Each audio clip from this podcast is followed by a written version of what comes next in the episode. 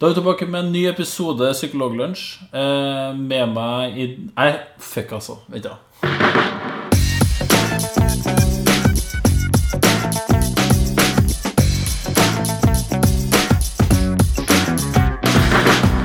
Du hører på Psykologlunsj, populærvitenskapelig lunsjprat med psykologene Tommy, Jonas og Jan Ole. Da er vi tilbake med en ny episode Psykologlunsj. Jeg heter Tommy Mangerud. Med meg i dag har jeg Jan Ole Hesseberg Hallo. og Jonas Våg. Halla! Kjempeflott. Vi har rett og slett alle tre befunnet oss i samme artikkel i Dagsavisen den senere tida. Det har vi. Det handler om fotball, og vi har blitt bedt om å uttale oss om trenere som eh, ikke endrer treningsopplegget sitt når de burde det. Ja, Når treningsopplegget går dårlig, så fortsetter man, på samme måte. Og så har en journalist da spurt oss hvorfor det. Og der svarte vi tre sånn noenlunde det samme, tror jeg. Kan si det. Hva, Ja. Hvordan syns du det var, Jonas, å bli spurt om det? Det var jo veldig hyggelig. Jeg hadde jo en veldig sånn koselig samtale med han journalisten, men så viste det jo seg at den koselige samtalen vi hadde hatt, hadde han hatt med dere òg. Så det, det, da var jo det en skikkelig nedtur. Ikke sant? Vi var rett og slett ikke klar over at eh, alle sammen var blitt spurt om det. Enn du, Jan Ole? Nei, jeg var heller ikke klar over det. Og jeg visste jo egentlig ikke at eh, mitt mailsvar, som var litt sånn eh, Dette har jeg ikke helt tid til akkurat nå, men her har du noen referanser som kan være interessante. Det ble brukt i sin helhet, det jeg skrev. Ja. Eh, sånn at eh, Men det var jo det var i og for seg greit nok, det. Jeg ble, var, bare litt usikker på hva jeg eh, egentlig svarte på. Ja, for det, jeg må jo innrømme at eh, akkurat det her med fotball Det har jeg jo ikke sånn voldsomt god peiling på. Så jeg, en kunne jo kanskje ha våga seg til å sagt at jeg var utafor mitt kjente element. Men nå var det jo faktisk en problemstilling som var rimelig ok stilt. For dette handla jo da om psykologi, rett og slett. Altså om det her med med hvordan vi fortsetter med en atferd som, som vi ser ikke funker. Det er jo ting vi eh, jobber med til daglig, for å si det sånn. Men det er jo eh, greit, for at eh, vi er jo faktisk i nærheten av det temaet vi skulle ta for oss i dag, nemlig formidling. Kunnskapsformidling i media, i, i tidsskrift, i fa faglige fora. Du, Jonas. Ja. På Facebook og sånn så skriver du stadig oppdatering om at eh, eh, Jonas Våg, uh, researcher and psychologist uh, Og så, blir du, så har du vært i en eller annen avis eller en eller annen, eh, en eller annen plass en eller annen, eh, et eller annet sted i verden. Ja, ja det er et sånt art. Det, Hva handler det om? Nei, du skjønner, i oktober i fjor så publiserte jeg min første artikkel. Gratulerer. Skal du ha Eh, applaus? Jo, takk. takk. Og Jan Ole klappa ikke. Nei, sånn da. Men eh, i hvert fall da, i oktober i fjor ja, så publiserte jeg min første artikkel om korsang. Og bruk av korsang som i, i organisasjonsøyemed, i helsemessig øyemed i en organisasjon. Ja, du, du er jo litt opptatt av det HMS og sånn, som vi har vært uh, borti tidligere. Ja, og, det, og den, det korsangprosjektet som het Lyden av trissel, det var ganske populært. Det, var jo på, det fikk jo ganske stor medieinteresse og var, var på Norge Rundt annet sånn. Eh, mens det pågikk. Det var 700 av 2500 som deltok eh, av ansatte i Helse Nord-Trøndelag. Ja. Det som skjedde, da, vet du, det var at eh, når jeg publiserte en artikkel på det, så ble jeg kontakta av NRK Radio, eh, som ville høre hva jeg egentlig hadde funnet. Eh, Og siden jeg hadde bare gjort et sånt studie som var i etterkant av tiltaket, så kunne jeg ikke si noe om årsak, virkning og, og sånn. Jeg kunne bare si at de som deltok, beskrev at de har opplevd en bedring i helsa i løpet av tiltaket. Og det hadde ikke kontrollgruppa gjort, eller dem som ikke deltok. Eh, Men jeg kunne ikke si at det var pga. tiltaket, fordi at jeg bare hadde gjort én måling i etterkant, og at det ikke er et blinda studie eller noen ting. Eh, Så det jeg drista meg til å si, det var at korsang ikke var skadelig. Det er jo veldig tøft eh, sagt, da. Ja, jeg syns det. Og jeg hadde jo så emmen smak i munnen etterpå at jeg faktisk hadde drista meg til å sagt at korsang var, ikke var skadelig. For, For du har jo ikke, du har ikke grunnlag for å si det heller, egentlig. Nei, jeg har jo ikke det. Og tenk deg hvis noen får et papirkutt mens de blar i noteboka. Eh, ja. Går det an? Jeg vet ikke. Jeg Hvor, ikke. var det, skjedde det noen av de 750? Nei, dere sjekka ikke for det? Du Nei, vi, ikke om vi det? kontrollerte ut ikke for det, så jeg kunne ikke vite det. Nei. Men eh, i hvert fall da, så, så da gikk det litt videre, og så ble jeg kontakta av forskning.no, som er det um, fancy forskningsstedet. Eh, Ja. bortsett, bortsett fra at det var den skandinaviske versjonen, så heter det Science Nordic. Eh, Så da ble det skrevet en engelsk artikkel på det. Veldig ryddig, ordentlig eh, journalist som skrev eh, sånn Jonas Våg sier at det ikke er skadelig å synge i kor. Ja. Og så plutselig så var det en sånn amerikansk Women's Health og Men's Health-journalist som kontakta Ja. meg. ja. Og han, han ville ha meg til å uttale litt om forskninga mi. Eh, og så skrev han en artikkel som, eh, hvor det sto da at eh, Jonas Våg sier at det er sunt å synge i kor. Ja. Av at det skaper gode sosiale god sosial støtte mellom dem som er med i koret. Ja. Ikke det verste utsagnet, det heller. Nei. Nei, men uh, likevel litt lenge mer uh, i det utsagnet enn det du kom med, da. Ja. Det, det begynner å bevege seg litt sånn, blir, blir litt verre og verre. Ja. Men så Så plutselig så kna, snappa Fox News opp det jeg har sagt, da. Og de inviterte ei som var psykolog, til å liksom uttale seg om studiet i, tillegg. Ja. Eh, Men hun viste seg å være eh, såkalt energipsykolog. Oh. Hva er det for noe, Jonas? Nei, eh, ja Det er litt eh, Jeg tror det handler litt om at kroppen er et batteri. Ja, Og at, ja. og at vi må lade opp det for for å få overskudd. Som gir jo veldig mye mening eh, hvis eh, man er litt tullete. ja. I hvert fall det var det jeg leste. da Jeg, jeg hadde jo skrekk, eh, skrekkbrillene på meg. Eh, Men én ting hun sa, var at det å synge i kor, eh, eller det å lytte til klassisk musikk, gjorde at du fikk bedre konsentrasjonsevne. Åh. og- Ja da. Og det må vi jo, det, det kan jo godt være at det er ganske mange som har hørt uh, før også. Det At eh, du spiller Mozart for ungene dine, eller hører på Beethoven eh, jevnlig, så blir dine intellektuelle kapasiteter økt ganske dramatisk. Jeg, jeg ser ikke bort ifra at vi toucher innpå det temaet en gang. Vi kommer nok inn på det. Men det er jo bare viktig å få understreket her og nå at eh, de av dere som hører på, og som kanskje har hørt det før, og som kanskje tror på det, eh, bør, eh, bør få vite at det ikke er så enkelt. Og da, da er du jo så Da er jeg jo så heldig, da, at jeg er blitt sitert i ganske mange land på å være den som er opphavsmannen bak den forskninga. Ja, nettopp, ja. For, det, for, eh, for eh, etter at eh, Fox News var ute med det, og NBC var ute med det etterpå òg For det kan jeg si at Men's Health, som var det første magasinet som spurte meg fra USA, det er verdens største manneblad.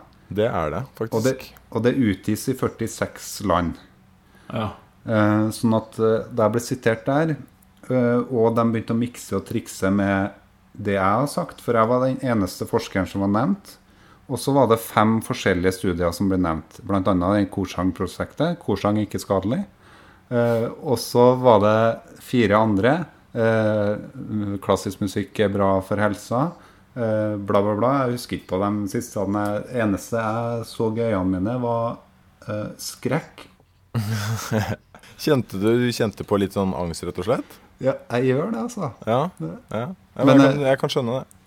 ja, Og da, så da var det et eh, eh, boliviansk nettsted eh, som, uh, som visstnok er sånn open source eh, nyhetssted. eh, hvor de liksom tilbyr alt av nyheter gratis til allmennheten. Eh, der snappa de opp den nyheten at eh, Jonas Våg sier at klassisk musikk er bra for konsentrasjonsevnen din. ja. Eh, og på, i menyfanen så sto det også 'legalisasjon av drogas'. så det, så det, det var det. Eh, Ja.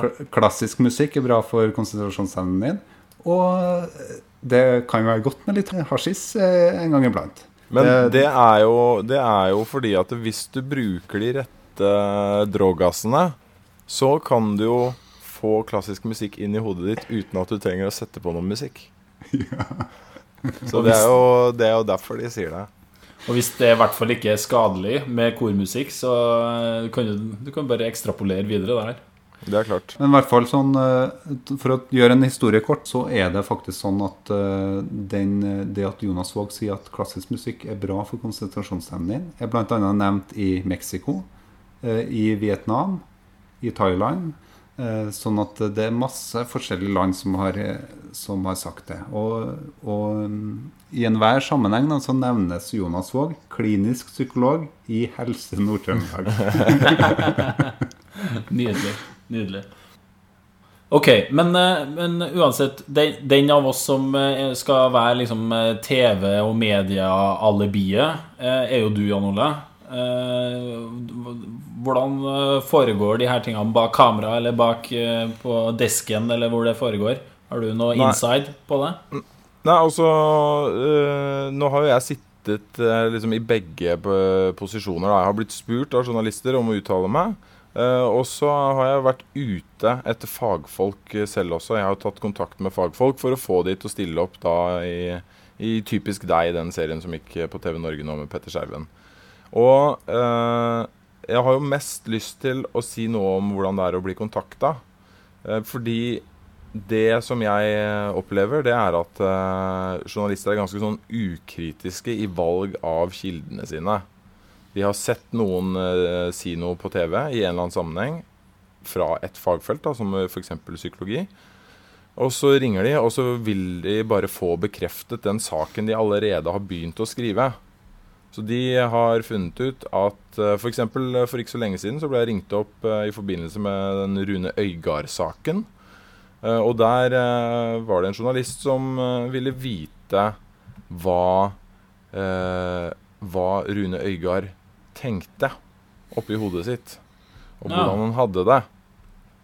Og det var nok, eh, det var nok Han ville nok bare ha et svar om at det var veldig, veldig fælt og vanskelig. Og ville ha meg til å si noe som bekreftet det. Og helst noe som eh, provoserte litt, da, tror jeg. Uh, sånn at det, de kom med en bestilling. Og det er jo ikke helt den rette måten å gjøre det på. Hvis man skal granske en sak, så bør man jo kanskje få litt uh, forskjellige stemmer inn, og, og lande på det man mener er den mest plausible uh, saken. da. Mm. Så journalister eh, velger det, det, den informanten de tror har peiling på det, og så har de jo egentlig ikke alltid den bakgrunnen at de, de forstår hva alle de her fagområdene er, og hva, hvem er eksperter, og hva kan man vite innenfor de her eh, Nei, det, jeg tror eh, også at det handler om mangel på kunnskap for dem. Da. La oss bare ta et sånt eksempel. Da. Gan- Ganske ofte så dukker det opp sånne eh, overskrifter i VG, Dagbladet og på klikk.no og gud veit hvor, hvor det står at sjokolade er sunt for deg. mm. Eh, og det er jo selvfølgelig veldig populært. Mange som klikker inn på det og deler det på, på nettet. Og det er jo bygget på forskning. For det liksom, de har funnet forskning som viser at sjokolade er sunt for deg. Men det er jo ikke det den forskninga har vist. Hvis man går etter de artiklene i sømmene, så er det disse flavanoidene som er i sjokoladen, som eh, er bra, har vist seg å være bra for blodtrykket eller, og kolesterolnivået til mus. Mm, ikke sant? Og det er jo Sjokolade er jo ikke ren, rene flavanoider. Og mus er heller ikke mennesker. Nei, ikke sant? Så det er ganske store sprang her. Og vet dere hvem som har gjennomført den forskninga som det stadig vekk siteres til i forbindelse med de artiklene der? En sjokoladefabrikk. Det er Nestle og Hershey's. Og det, og det, blir jo, det blir jo som regel ikke nevnt i de artiklene heller. Det er, det er to gigantfirmaer som ikke driver med forskning, egentlig. Som da tilfeldigvis har funnet ut at eh, eh, noe i de produktene de selger, er, er veldig sunt for deg. Og så trykker da eh, norske medier det er helt ukritisk. Eh, det er jo, da har de jo bare De har fått en gavepakke, kanskje til og med en pressemelding, og så trykker de det. Og da er de, når de intervjuer folk, da, så er de stort sett bare interessert i å få noen som bekrefter det. Mm. Så, så jeg vil si at eh, journalister gjør veldig veldig ofte en slett jobb når de kommer til eh, å formidle, eh, formidle faget. Mm. Men eh, det er jo Kan vi bare skylde på de? For jeg tenker det er jo, det er jo som du sier, altså Hershey og Nestle har jo også da eh, Om de ikke jeg, tror- jeg, Det er ikke nødvendigvis sånn at de pusher på en måte resultatene på folk. Noen ganger så kan man jo kanskje få litt inntrykk av det òg, men i hvert fall det er jo det er jo noe med hvordan journalister fòres med, med de, de funnene også, da. Ja, Det er jo veldig forlokkende ting å få i fanget, da, en sånn, eh, sånn type overskrift. Og de er nok ganske flinke på å skrive de pressemeldingene, de, de, eh, de selskapene der. Men, men det er jo det er i og for seg ikke akkurat det vi diskuterer nå. Det vi, det vi diskuterer, er den der dynamikken, altså samspillet mellom journalister som skal eh, formidle noe fra et spesielt fagområde eller fra en spesiell forskning, og de Mm. forskerne de møter. Eh, hvem er det som Altså, De fleste er nok enige om at det er noe som skurrer her. At det Mm. ikke er optimalt, at det bør bli bedre. Eh, men eh, det er ganske liksom Hvem som har skylda, det varierer litt hvem du, hvem du prater med. For det er heller ingen tvil om at fagfolk også sliter veldig med å tilpasse seg eh, både avisformatet og TV-formatet. Og ikke Mm. leverer godt nok eh, til de journalistene som skal eh, eh, som skal skrive saken eller lage saken på TV. Og det har jeg opplevd også når jeg har prøvd å rekruttere folk, at eh, de forskerne vi snakker med, ofte sliter med å, å gi oss det vi trenger, da. Jo, har du noe eksempel på det? Nei, altså ikke, ingen, ikke, kanskje ikke noen konkrete eksempler, men det, det man trenger i hvert fall, da, hvis man skal tenke på at man skal på TV, så trenger man noen som er villig til å formulere seg kort. Veldig Ja. kort. Sånn som du? Ja, eh, nå er det noen som har eh, tenkt at jeg, jeg kunne egne meg til det, så kanskje, eh, kanskje gjør jeg det. Jeg vet ikke om jeg gjør det spesielt godt, men eh, det Du er i gjør det hvert fall det man er. kjempegodt, Jan Ole. Du, du er kjempeflink. Ja, det er helt Det- fantastisk. Jeg er, så, jeg er så stolt av deg når jeg ser deg på TV. Ja, det, det er sant, det. Det er, det er veldig rørende å høre. Mm. Men eh, Nei, altså man må snakke veldig kort. eh, og man må kunne på en måte tåle at det ikke alltid blir helt presist sånn faglig sett, da. Mm. Uh, og så er man ute etter folk som viser engasjement, da. Som, eh, som har litt kroppsspråk, og som, eh, som har litt ansiktsuttrykk, i hvert fall på TV. Mm. Eh, sånn at det Hvis man ikke liksom er villig til å tilpasse seg det lite grann, så får man heller ikke være med i det hele tatt. Da får man ikke lagt noen premisser for hvordan det skal fremstilles. Og det er litt, det er litt synd, syns jeg, at ikke flere liksom prøver å øve seg på det. For å, for å styre det litt. Grann. Men har, har du noen gang gå, Har du gått i den fella, eh, Jan Ole, at, eh, at, du, at du da blir spurt om noe som du da kanskje egentlig ikke helt har peiling på, og så er, blir du liksom eh, Så er det vanskelig å, å si at 'nei, det her har jeg ikke så god peiling på', at du har liksom snakka om noe du ikke burde ha? Ja, jeg har jo takka nei noen ganger, da. Det har jeg. Når du, Eh. åpen, når du har visst at ikke du burde ha si noe, liksom? Jeg takka, jeg takka veldig nei til den Øygard-saken.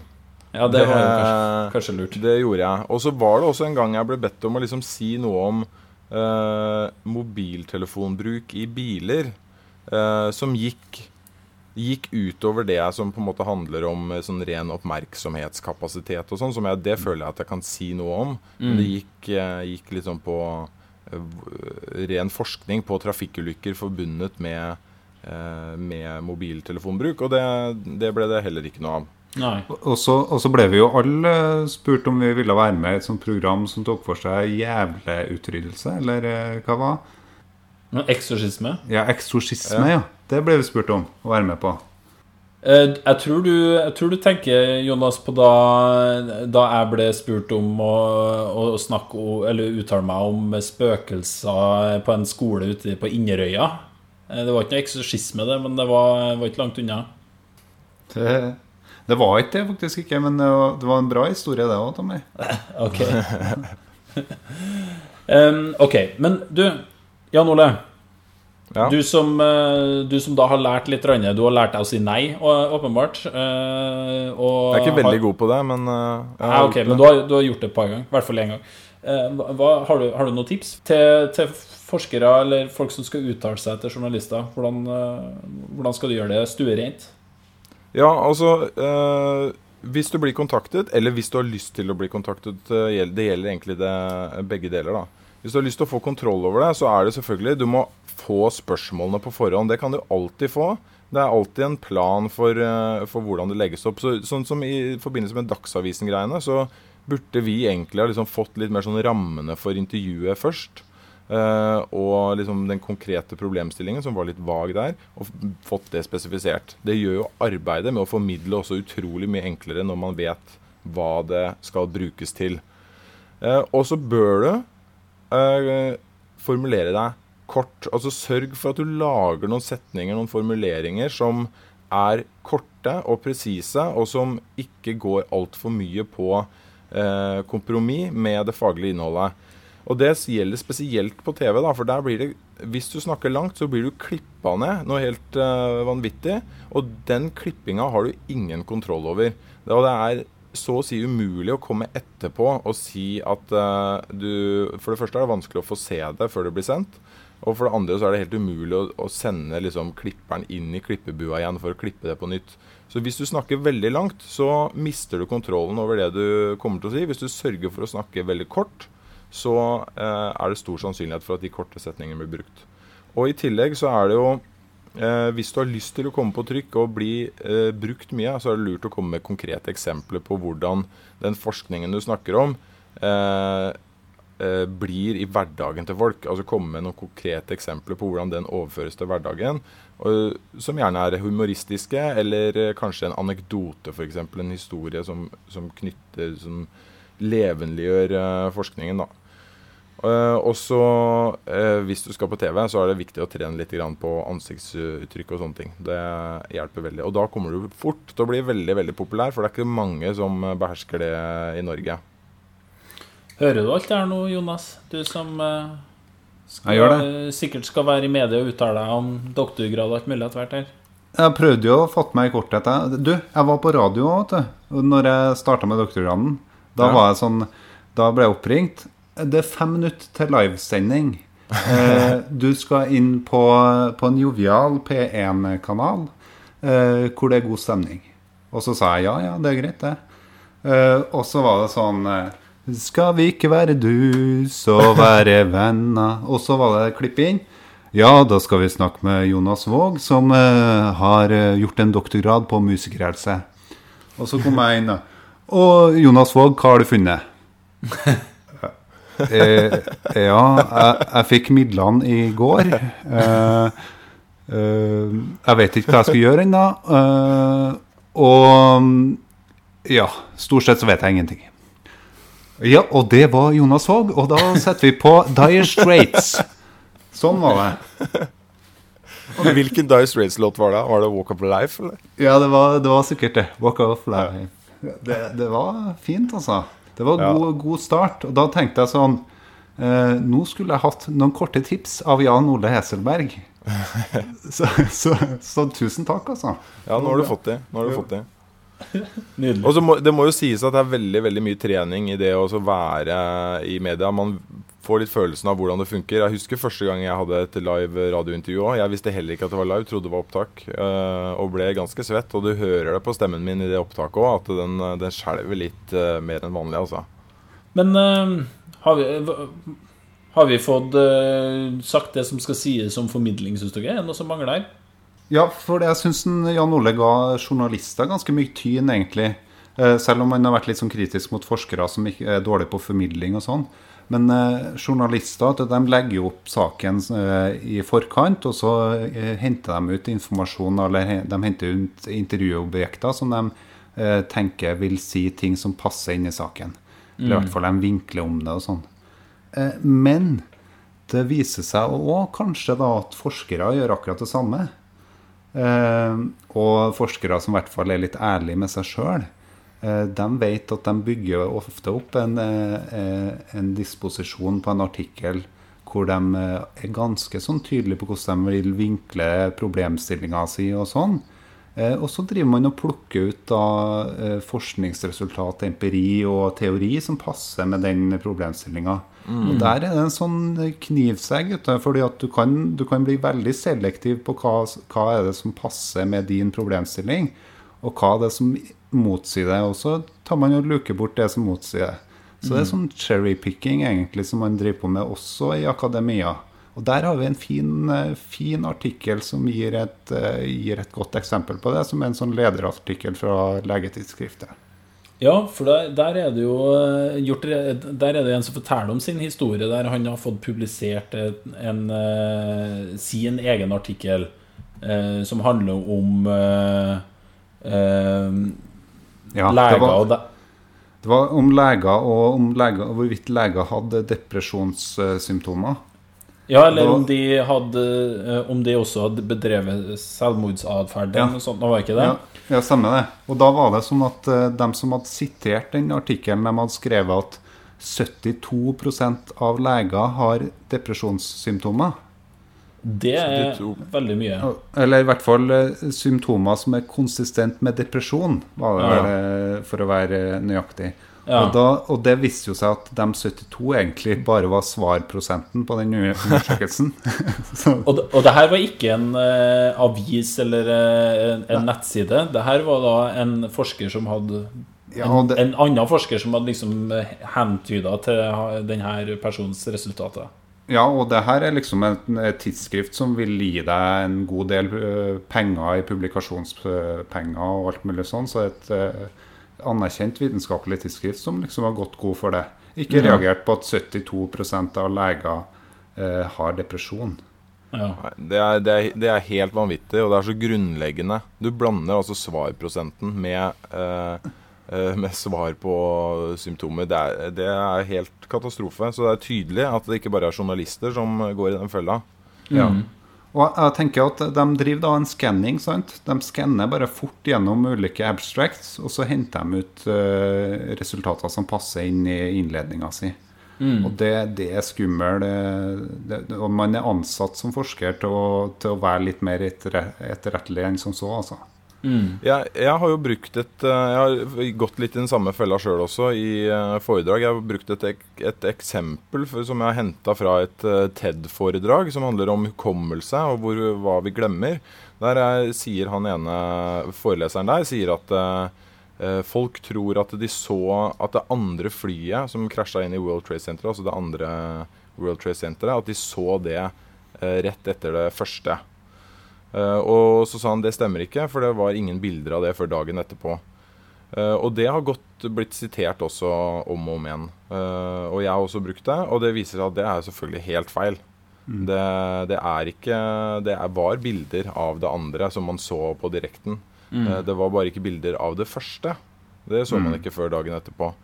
Men det er, det er, så enkelt at man eh, Når det er noe som bekrefter det man allerede liker å, å snakke om eh, eller skrive om, så eh, slenger man inn det. Og mm. er veldig veldig lite kritisk til det. Selv ikke forskere som jobber med og som får penger for å være kritiske. Ja, og der tror jeg, uten at vi skal gå så dypt inn på det, men det er jo fordi at man får betalt for antall publikasjoner. Og, og, det man ser, er en sånn forringelse av publikasjoner som blir gjort. At folk eh, gjør ikke dem grundig nok, i stedet for å ha den magiske artikkelen som sier noe vettugt om et eh, fenomen. Eh, mm. Så har du masse forskjellige publikasjoner som sier bare den mikroskopiske ting. Og vi skal eh, Jeg håper at vi får gjennomført den der eh, vitenskapskritiske podkasten snart. Ja, det skal vi. Kanskje det bare blir en parallellpodkast, og vi bare starter en ny vitenskapskritisk lunsj. Og når du sier det, Jan Ole Hesseberg, så tror jeg rett og slett at det er tid for en uh, tommel opp, uh, tommel ned. Tommel opp og tommel ned, tommel, tommel, tommel, tommel opp og ned. Da tar vi en tommel opp eller tommel ned på om uh, den gjennomsnittlige Det er veldig viktig å understreke gjennomsnittlige, det finnes unntak. Den gjennomsnittlige norske journalist er lat av natur uh, og bare ønsker å bekrefte sin egen sak, og kan bli mye, mye bedre på forskningsformidling. Jeg går for en tommel opp. Hvis eh, tommel opp indikerer at journalister er late eh, dyr som ikke klarer å, eh, å lese en ordentlig artikkel som eh, herr Jonas Våg har skrevet om korsang, eh, og klarer å tyde det riktig til å ikke bety at klassisk musikk er bra for konsentrasjonsevnen din. Tommel opp. Jeg kjører også en tommel opp. Jeg kjører en dobbel tommel opp. For jeg kjører én tommel for eh, akkurat det Jonas sa, og så kjører jeg én tommel opp fordi jeg håper at eh, det kan bli bedre. De kan, de har, jeg har trua på dem. Det er positiv psykologi her nå. Eh, journalister, les litt og jobb litt hardere, så ordner det seg. Det blir bra. Da er det jo Det er veldig mange tomler i spill her nå, men eh, da eh, sier jeg tommel ned, jeg. Ja. For jeg mener at eh, eh, disse journalistene, som har et forbedringspotensial, ikke er eh, hovedårsaken her. Man må ta kontroll over de man eh, kommer i kontakt med, disse journalistene. Så her må fagfolkene gjøre en vesentlig bedre jobb.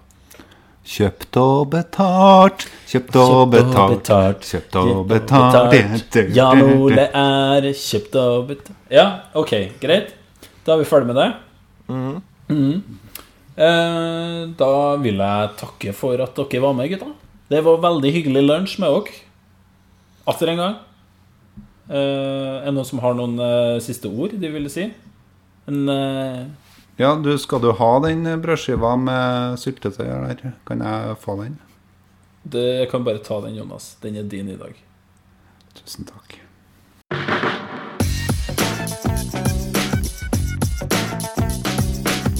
Du har nå lytta til Psykologlunsj. Har du noen spørsmål, kan du søke opp Psykologlunsj på Twitter, eller du kan sende en e-post til psykologlunsj alfakrøll gmail.com. Mer informasjon om temaet du har hørt i dag, finner du på psykologibloggen.no og tankesmed.no.